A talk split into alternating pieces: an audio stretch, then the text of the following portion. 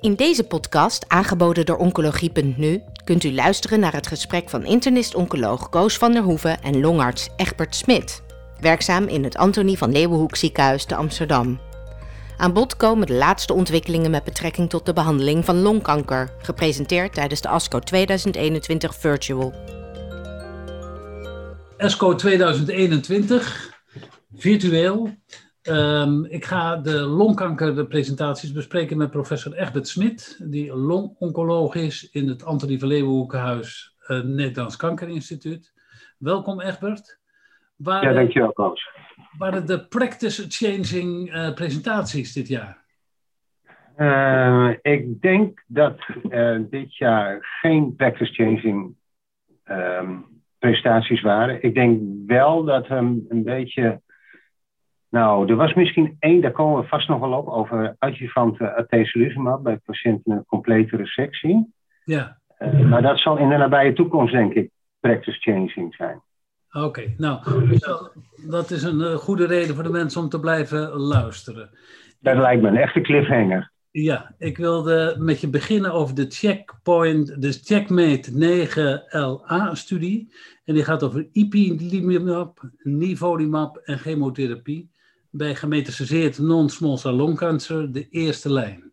En ja, nee, dat, was eigenlijk, dat was eigenlijk, dacht ik, vorig jaar een practice changing studie. Ja. Maar toen werden eigenlijk korte termijn gegevens uh, gepresenteerd. En in het kort is het zo, wat doet die studie? Die vergelijkt twee kuren chemotherapie gevolgd uh, samen met IP-niveau. Uh, eh, die vergelijkt dat met chemotherapie alleen. En het blijkt dat die, ehm, die twee kuren chemotherapie gegeven samen met de immunotherapie tot een veel beter resultaat leidt. En wat eigenlijk belangrijk is, is dat je die vroege sterfte kwijt bent. Ja. En nu, nu vrees ik dat elk jaar uh, gaat de follow-up daarvan gepresenteerd worden. Net zoals bij een andere studie, de Pacific-studie, ook dit jaar weer. Maar in ieder geval, nu werden er tweejaarsgegevens die werden uh, gepresenteerd. Nou, en het blijkt dat dat, uh, dat dat verschil in overleving, dat blijkt nog steeds aanwezig te zijn. Ja. wat denk ik ook belangrijk is, en wat, wat veel mensen eigenlijk enthousiast maakten voor deze combinatie, is dat het effect niet alleen zo was bij mensen die PD-1 positief waren, maar dat dat effect eenzelfde orde groot had als bij mensen die PD-1 negatief waren. Die wij dus eigenlijk ja, een, een, eigenlijk zeggen, negatieve merken voor de toepassing van immunotherapie. Ja. Dus ik denk dat dat een grote winst is. En ik, wat nog niet zo is, is dat er al een plateau in de curve lijkt te ontstaan. Het is nog steeds naar beneden te lopen. Maar er is toch nog steeds een indrukwekkend verschil tussen die beide armen. En de hoop is toch dat uiteindelijk er een plateau gaat ontstaan. Je zei vorig jaar al dat was eigenlijk practice changing. Betekent dat in Nederland dit nu ook ingeburgerd is? Nee, dat, is, dat kan niet, want er is nog geen vergoeding voor. Nee. En um, ik denk dat, um, uh, en niet alleen Nederland, maar de hele, de hele westerse wereld toch een beetje worstelt met de vraag van ja, welke patiënten zijn er nou bij uitstek geschikt voor dit regime? Want het is toxisch. Uh, we hebben goede alternatieven, zeker voor de mensen die PD-1 positief zijn. Maar mijn verwachting is eigenlijk dat ja, bij de volgende update van de richtlijn er een plaatsduiding zal komen van dit regime. En het verwacht dat dat bij de PD-1 negatieve patiënten vooral zal zijn. En je bedoelt voor de PD-1 positieve, de sterk positieve, dat je als alternatief daarvoor hebt om alleen maar ja. te geven? Ja. ja. Ja. zeker. Ik vond het uh, opvallend bij deze presentatie, want dan wordt er toch weer wat dieper ingegaan op wie er nou wel ja. AB heeft en wie niet. Dat er heel erg gekeken is naar, naar patiënten die moesten stoppen met de, de behandeling vanwege ja. Hoe ja. is het met deze patiënten? Ja, nee, het lijkt zo te zijn dat mensen die uh, bijwerking, vanwege bijwerking moeten stoppen, een even groot benefit hebben als mensen die doorgaan met behandeling. Wat daar uh, precies de biologische achtergrond van is, dus dat weet eigenlijk niemand, maar het is een fenomeen wat veel breder in uh, longkanker en immunotherapie teruggevonden wordt in de literatuur. Ook een presentatie van Mark Sosinski in dezelfde sessie als waar uh, Martin Rek optrad. Die liet een hele analyse zien van allerlei atezolizumab-studies in longkanker. En die, die kwamen eigenlijk tot dezelfde conclusie. Ja. Dus dat is iets dat is wel bijzonder. wij hebben natuurlijk geleerd dat, Ja. De chemotherapietijd, dat je toch een beetje voorzichtig moest zijn met de bijwerkingen. Dat je patiënten daarop moest selecteren. En dan was het zeker niet zo dat als de bijwerkingen toenamen, dat de effectiviteit dan ook groter was. Maar Nee. blijkt bijwerkingen geen negatieve invloed te hebben op de uitkomst. Ja, klopt.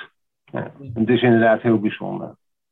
Je vertelde net dat eh, die PDL1-expressie Ja, in die checkpoint, die checkmate 9LA-studie, dat die niet van invloed was op de uitkomst. Maar er was ook een retrospectieve analyse, die werd gepresenteerd door Eckenborg, zo heet die geloof ik. Dat, is een gepoelde, dat waren gepoelde data over immunotherapie en chemotherapie. En die heeft ook gekeken of eh PDL1-expressie. ja, ja. Er is, ehm, eh, dit was een eh, analyse van de FDA. Het is misschien wel goed om dat even bij te zeggen. Over een heel groot aantal, met name registratiestudies. Ja. Waar eh, combinaties van eh, chemotherapie, immunotherapie, immunotherapie alleen. eh, over diverse cohorten van ehm PDL1-expressie werd- met elkaar werd vergeleken.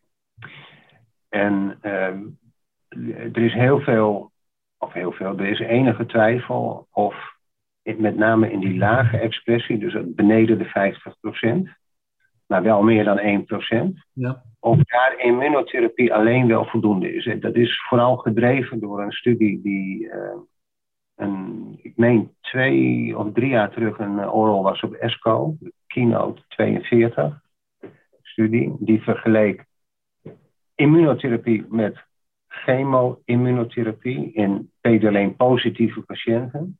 En dat was een studie die was eigenlijk, eh, ja, hoe zou ik zeggen, positief, of die werd als positief gepercipieerd. Maar eh, het resultaat van die studie werd vooral gedreven door PDL1 meer dan 50%. Dus Ja. de hoge expressies. En nu vraagt de FDA zich af in deze analyse, wat is nu beter? Immunotherapie alleen of een combinatie van immunotherapie en chemotherapie bij mensen die tussen de 1 en 49% PDL1-expressie hebben. Ja. En dan is zowel de progressievrije overleving, dat verbaast je niet helemaal, maar ook de overall survival ten faveur van de combinatie van chemo-immunotherapie. Ja. Dus Ja. ik denk dat daar de boodschap heel helder van was, ook al was er een retrospectieve analyse. Ja. Ehm, dat, de, Dat immunotherapie alleen, hoe aantrekkelijk voor een heleboel dokters ook, die geen chemotherapie willen geven. Maar immunotherapie alleen voor die groep patiënten is inferieur aan chemo-immunotherapie. Dus de immunotherapie alleen voor die groep die een hele hoge PDL1-expressie heeft. Ja, correct. En daarom denk ik dat die 9LA-studie precies op tijd komt, want dat is dus een, laat ik zeggen, een studie die ehm, de vraag stelt, ja, maar hoeveel chemotherapie is er eigenlijk nodig om een goed effect te krijgen? Ja. We daar heel veel van kunnen leren. En ik hoop dan dat de volgende vraag zou zijn, ja, maar hoeveel immunotherapie hebben we dan eigenlijk nodig? Ja, die vraag mag je ook beantwoorden.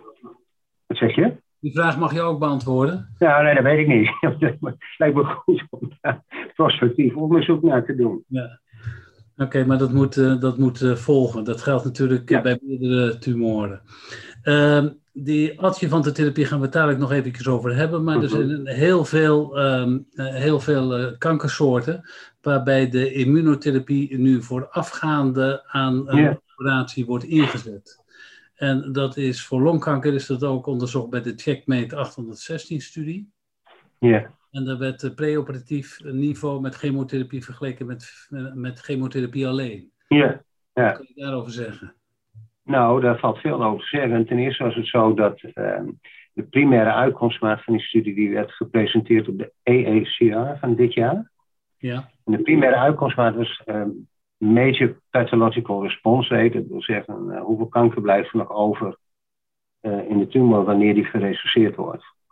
En eh, die Major Pathological Response Rate was orde groot 40% in de eh chemo-immunotherapiearm en 3% in de chemotherapiearm.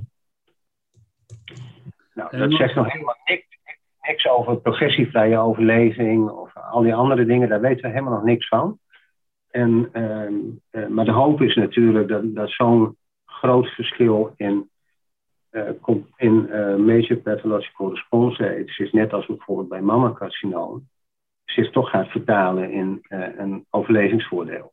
ja, hier op deze studie uh, op ESCO werd gepresenteerd, hebben de chirurgen ook last van de therapie die wij geven, om het zo maar te zeggen, voorafgaand aan de receptie.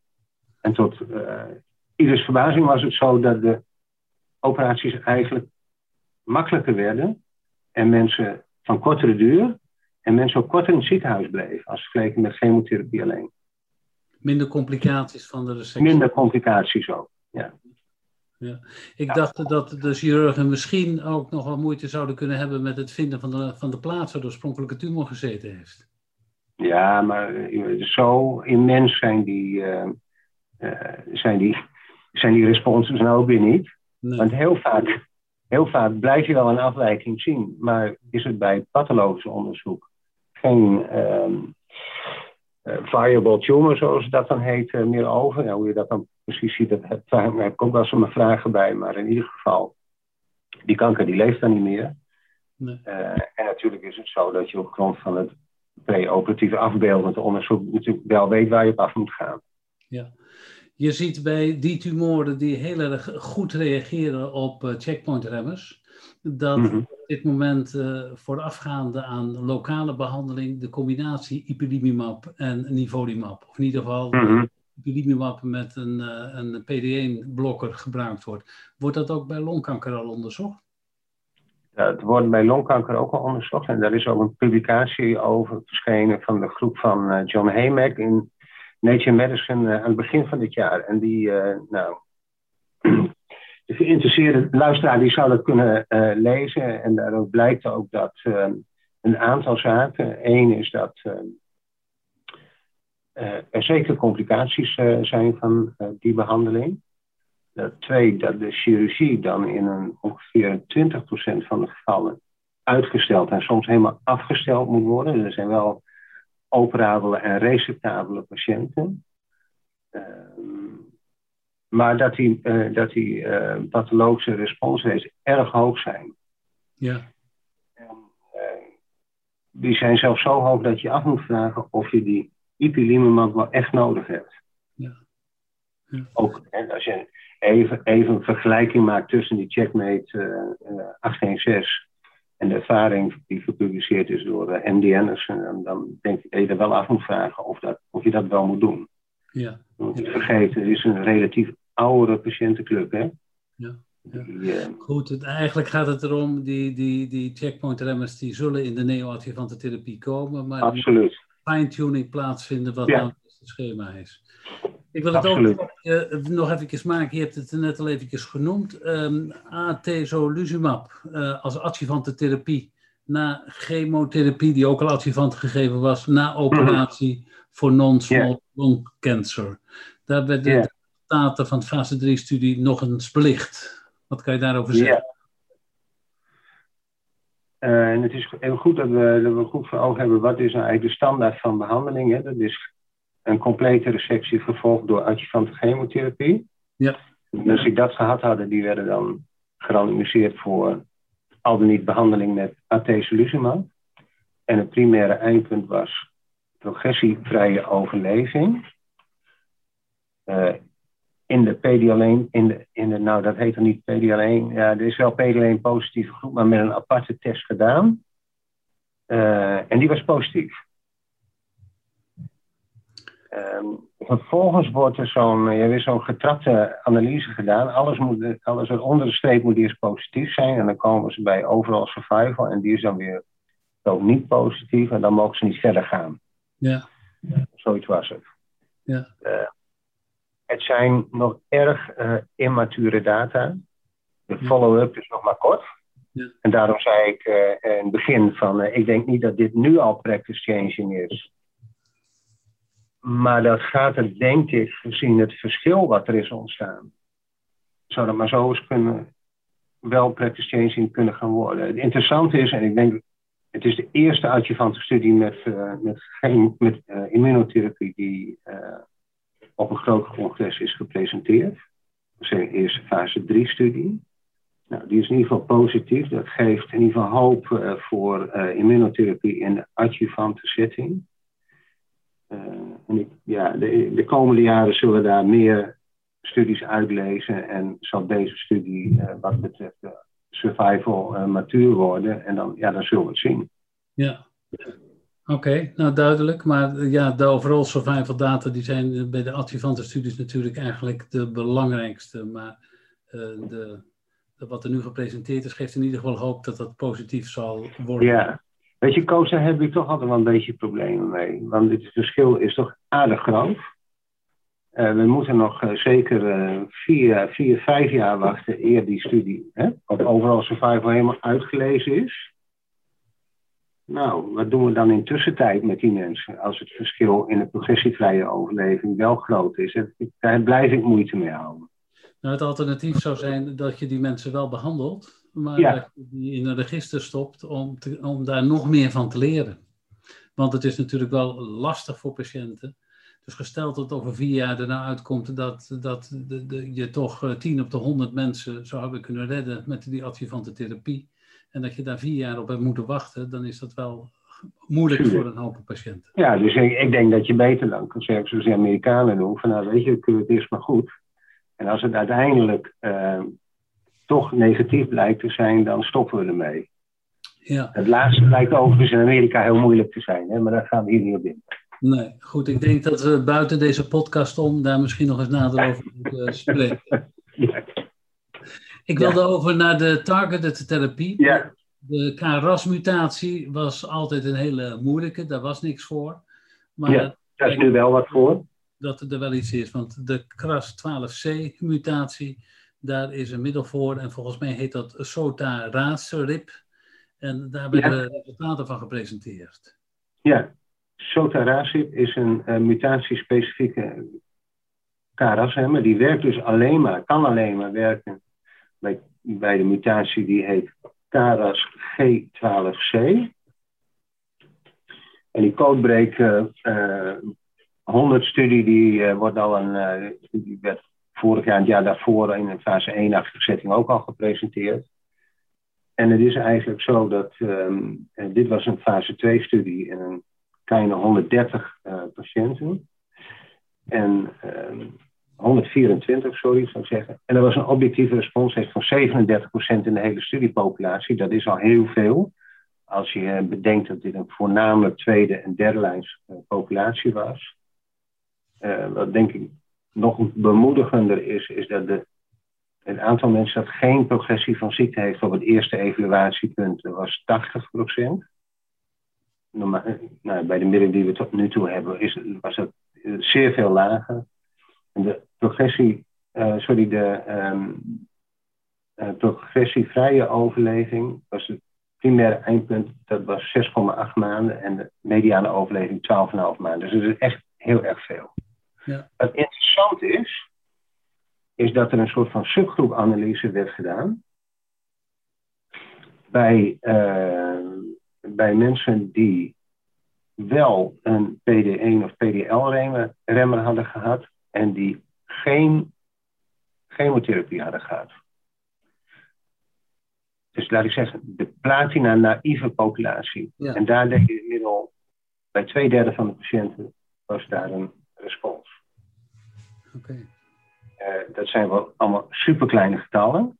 Ja. Maar het geeft wel aan dat dit middel misschien toch ook een heleboel toekomst heeft in een, uh, in een wat eerdere setting.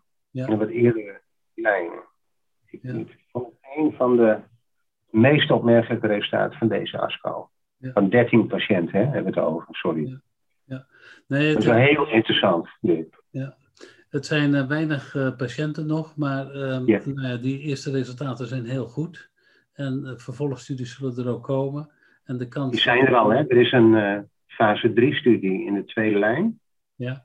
Die is klaar. Dat wil zeggen, die, daar is, de accrual is klaar. En ik verwacht dat die op, of op ESMO of op ergens een congres begin volgend jaar wordt gepresenteerd. Kan je zeggen of er, eh, als er in Nederland patiënten zijn die eh, een reguliere behandeling hebben gehad en deze KRAS G12C ja. hebben, of die ergens behandeld kunnen worden in Nederland? Ja, die kunnen behandeld worden in uh, de firma Engine is een compassionate use programma gestart waarin dit middel verkrijgbaar is. En dat is ook volkomen terecht. Oké, dat is mooi. Ik wil dan... Ook dat die in het DAP terecht kunnen komen. Hè? Ja, ja. In het drug access programma, dat zou heel mooi zijn. Ja. Um, een ander middel waar we heel veel baat van gezien hebben, dat is de osimertinib. Maar ja. Daarbij zie je dat er op een gegeven moment resistentie optreedt. En er wordt uh, gekeken naar medicijnen die die resistentie weer opheffen. Kan je daar iets over vertellen? Waren daar presentaties? Ja, er waren eigenlijk twee uh, uh, FSEPs werden daar gepresenteerd. eentje van een medicament dat heet patrimumab deruxtecan, of ja. PDXD. En dat is een antibody drug conjugate dat als het ware HER3 gebruikt om uh, de cel in te brengen. En deruxtecan is een topoisomerase 1 rem. Um, dat HER3 dat komt bij vrijwel alle uh, patiënten die tumor behandeld is geweest met osimertinib, komt dat tot expressie in de kanker. En meestal ook vrij hoog.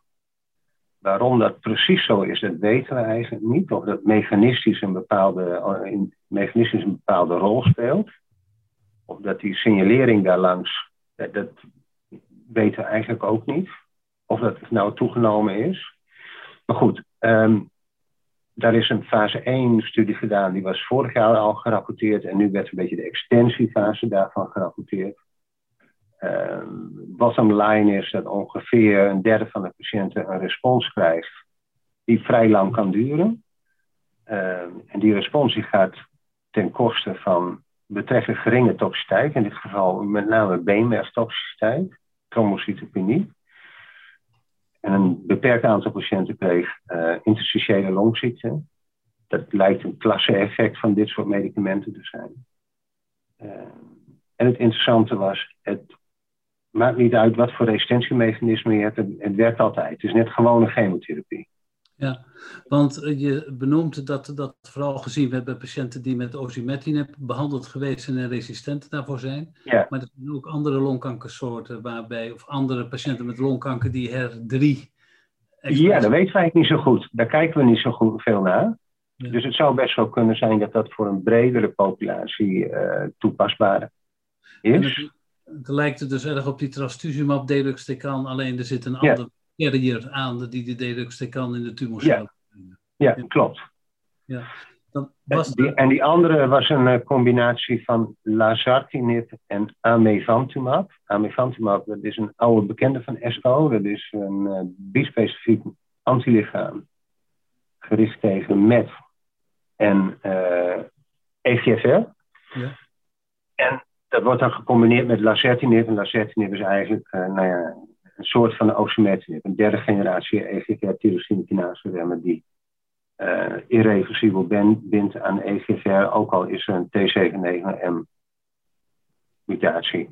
Ja. Nou, ook daar was in fase 1 met de dosisexpansie. Uh, het is een uh, combinatie van een oraal en een intraveneus toegediend medicament. Ook daar was er een, een, een vrij behoorlijke responsrate. Ik doe het even uit mijn hoofd, maar ik dacht ergens in de 40 procent. En um, wat daar het bijzondere was, is dat die responses optreden, want niet iedereen die brengt eigenlijk een met gemedieerd resistentiemechanisme uh, activeert dat.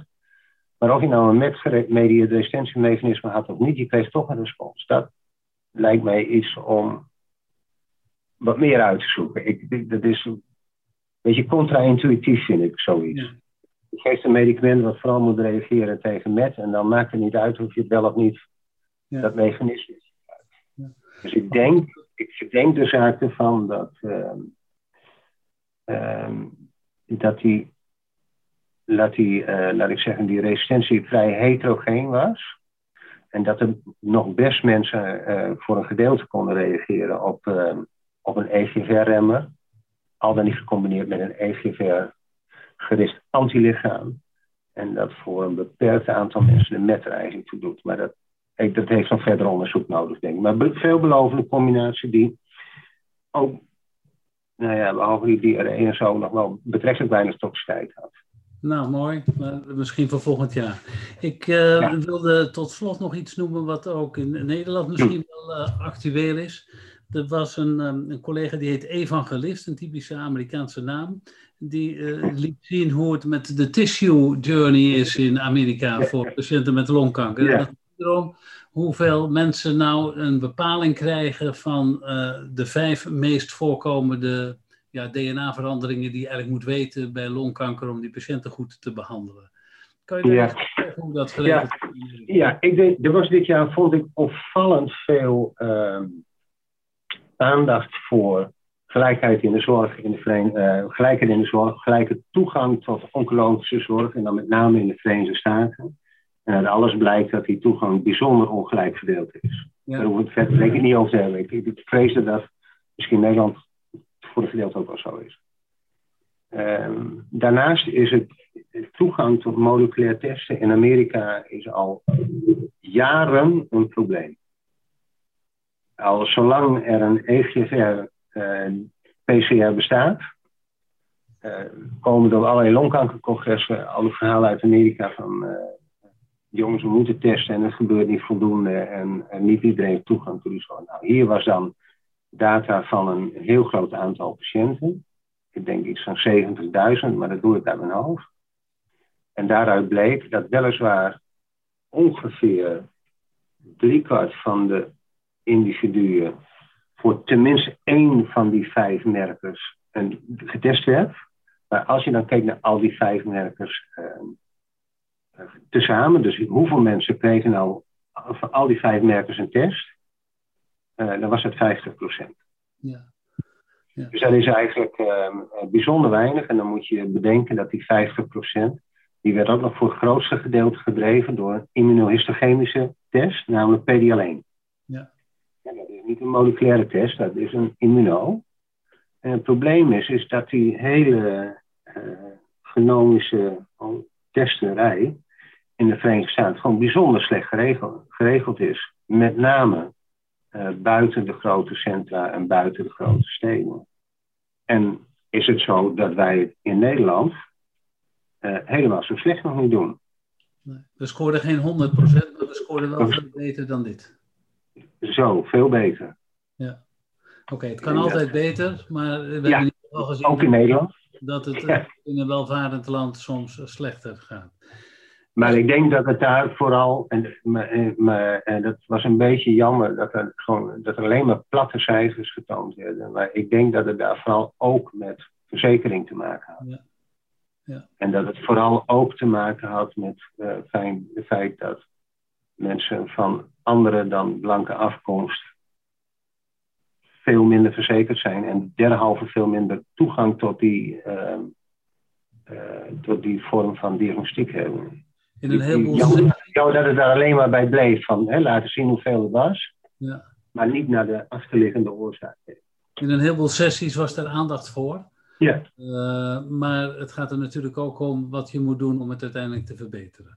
Egbert, we hebben nou, begin met identificatie van problemen, dat is altijd zo.